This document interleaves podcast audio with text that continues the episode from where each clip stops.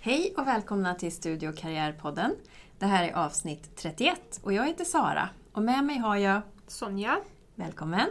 Och sen har vi Isabelle, min eh, partner här i Partner in Crime i Studio Karriärpodden. Men vi tänkte prata med dig lite Isabelle om ditt civilingenjörsprogram i miljö och vatten.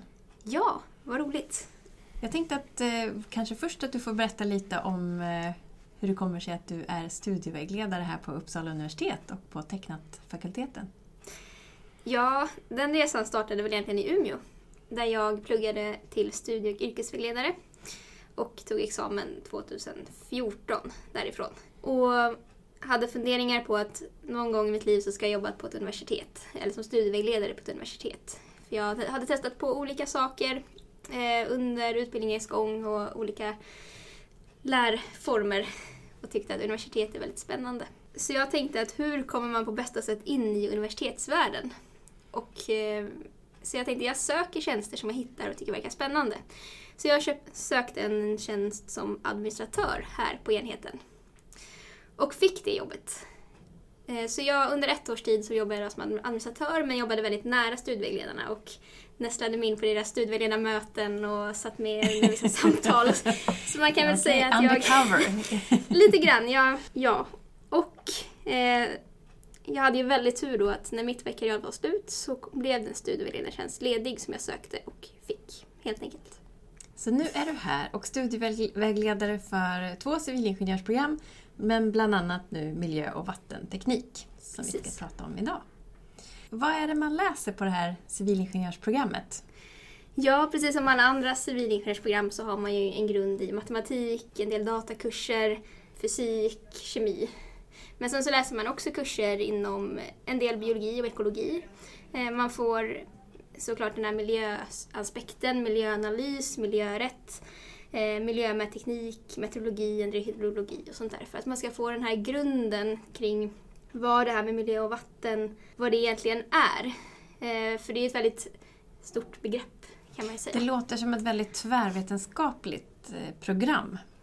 Ja, det kan man säga. Det är, ja, men det är brett, men studenterna får under de här tre första åren en eh, insyn i vad det handlar om för att sen kunna specialisera sig under årskurs 4 och 5. Är det så att allting är obligatoriskt under ettan, tvåan, trean, även på miljö och vattenteknik? Ja, där är det helt obligatoriskt. Men miljö och vattenteknik kan man läsa, det är ju här på Uppsala universitet. Men det sker ju också i ett samarbete, eller hur, med Sveriges lantbruksuniversitet? Ja, precis som vårt civilingenjörsprogram i energisystem så läser studenterna en del av sitt program på SLU. Och det gör man helt enkelt för att täcka in alla kunskapsområden, för de har bättre forskning och kunskaper inom vissa ämnen som våra studenter behöver för att kunna ge en så bra utbildning som möjligt. Så de är även programstudenter eller studenter på SLU. Så det ger ju studenterna en väldigt bra inblick i hur det är på, på två olika lärosäten, både Uppsala universitet och SLU. Ja, det får de. Och det märks av på studenterna också, att de märker också att det är två universitet. Och det funkar ju olika på universitet, så är det ju. Liksom. Man måste ha en cykel och kunna ta sig dit helt enkelt. Ja, just det. Okej, okay. men vad är det man läser nu? De första åren är det fokus på lite fysik, matematik, eh, en del kemi. Data, Data. biologi. Ja. Och sen vad är det man kan inrikta sig på då när man har läst de här första tre åren då? Precis. Eh, programmet är uppbyggt så att efter de tre första åren kommer de så kallade terminsblocken, årskurs 4 och 5. Och för att få ut en examen från miljö och vatten så behöver du ha läst minst två terminsblock, alltså ett års heltidsstudier.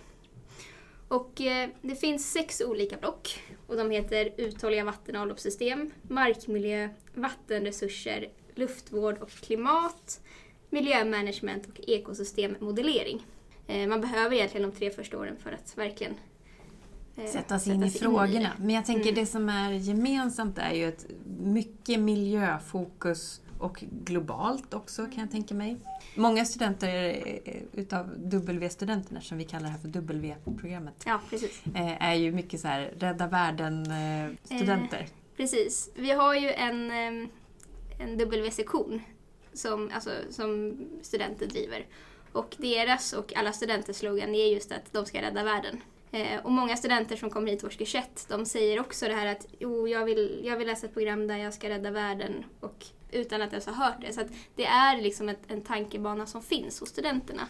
Att hur ska jag på bästa sätt kunna eh, skapa mig en utbildning och en kompetens som behövs antingen i Sverige eller utomlands för att göra världen så bra som möjligt. Så hur kan man rädda världen då efter en civilingenjörsexamen i miljö och vattenteknik? Ja, om man kollar på studenter som läser på programmet som liksom tänker längre än så. Det är, alltså, vad ska jag göra när jag är klar?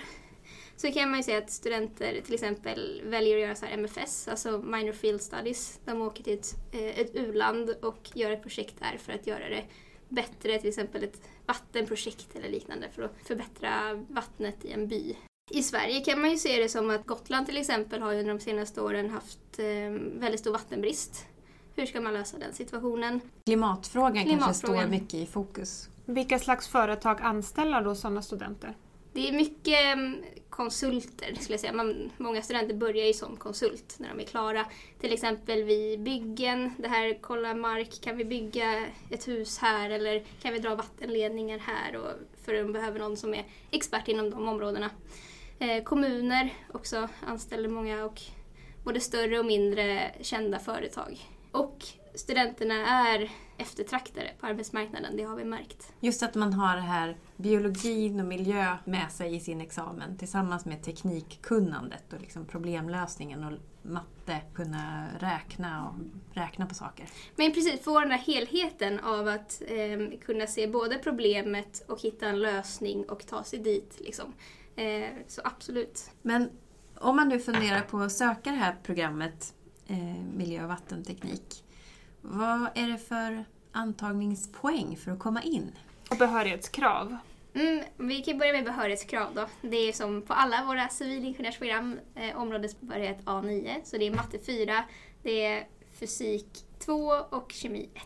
A9, Precis. Okay. Grundläggande behörigheten behöver man också. Och antagningspoängen då man är behörig? Är man behörig så är det så att de senaste åren så det är ett program som har ganska höga intagningspoäng. Men självklart så är det olika från år till år beroende på vilka som söker. För det är ju inte vi som sätter antagningspoängen, utan det är ju studenterna som söker. Så det ligger mellan 17,5 och 20 skulle jag säga. Men ganska hög. Ja. Mm. Men sen sa du att de har goda utsikter på arbetsmarknaden? Ja, och um, det är väl framförallt för att miljö är ju en väldigt stor punkt idag. Mm. Eh, globalt. Liksom. Det här med mycket miljögifter, utsläpp och sånt där. Hur, hur ska vi få det att inte påverka vår jord så mycket? Utan hur ska vi få en, en hållbar värld helt enkelt? Så mycket hållbarhetsfrågor i det här ja, programmet. Man hamnar som... i yrkesroller där man jobbar med den typen av frågor.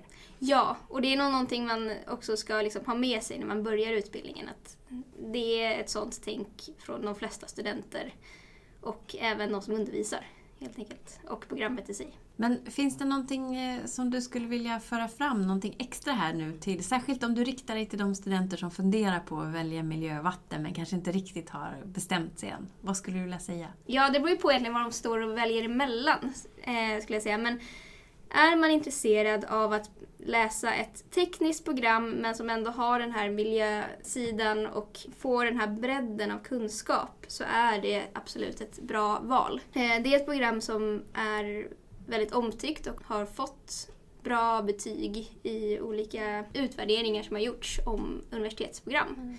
Och sen har jag väl förstått att miljö och vattenteknik i Uppsala är ju ett ganska gammalt program av det slaget. Ja, det startade en gång i början på 90-talet. Så det är ett gammalt program som har följt med i utvecklingen och mm. liksom utvecklats. Vilket ju också är en fördel från att läsa det på andra lärosäten som inte haft sådana här program så länge än. Så det finns mycket erfarenhet och kunskap här i den. Ja, men det finns det. Jag tänker, hur många av miljö och vattenstudenterna väljer att gå vidare och forska till exempel? Jag tror inte att det är så vanligt, för studenterna får oftast jobb Eh, kanske när de gör sitt exjobb eller strax därefter.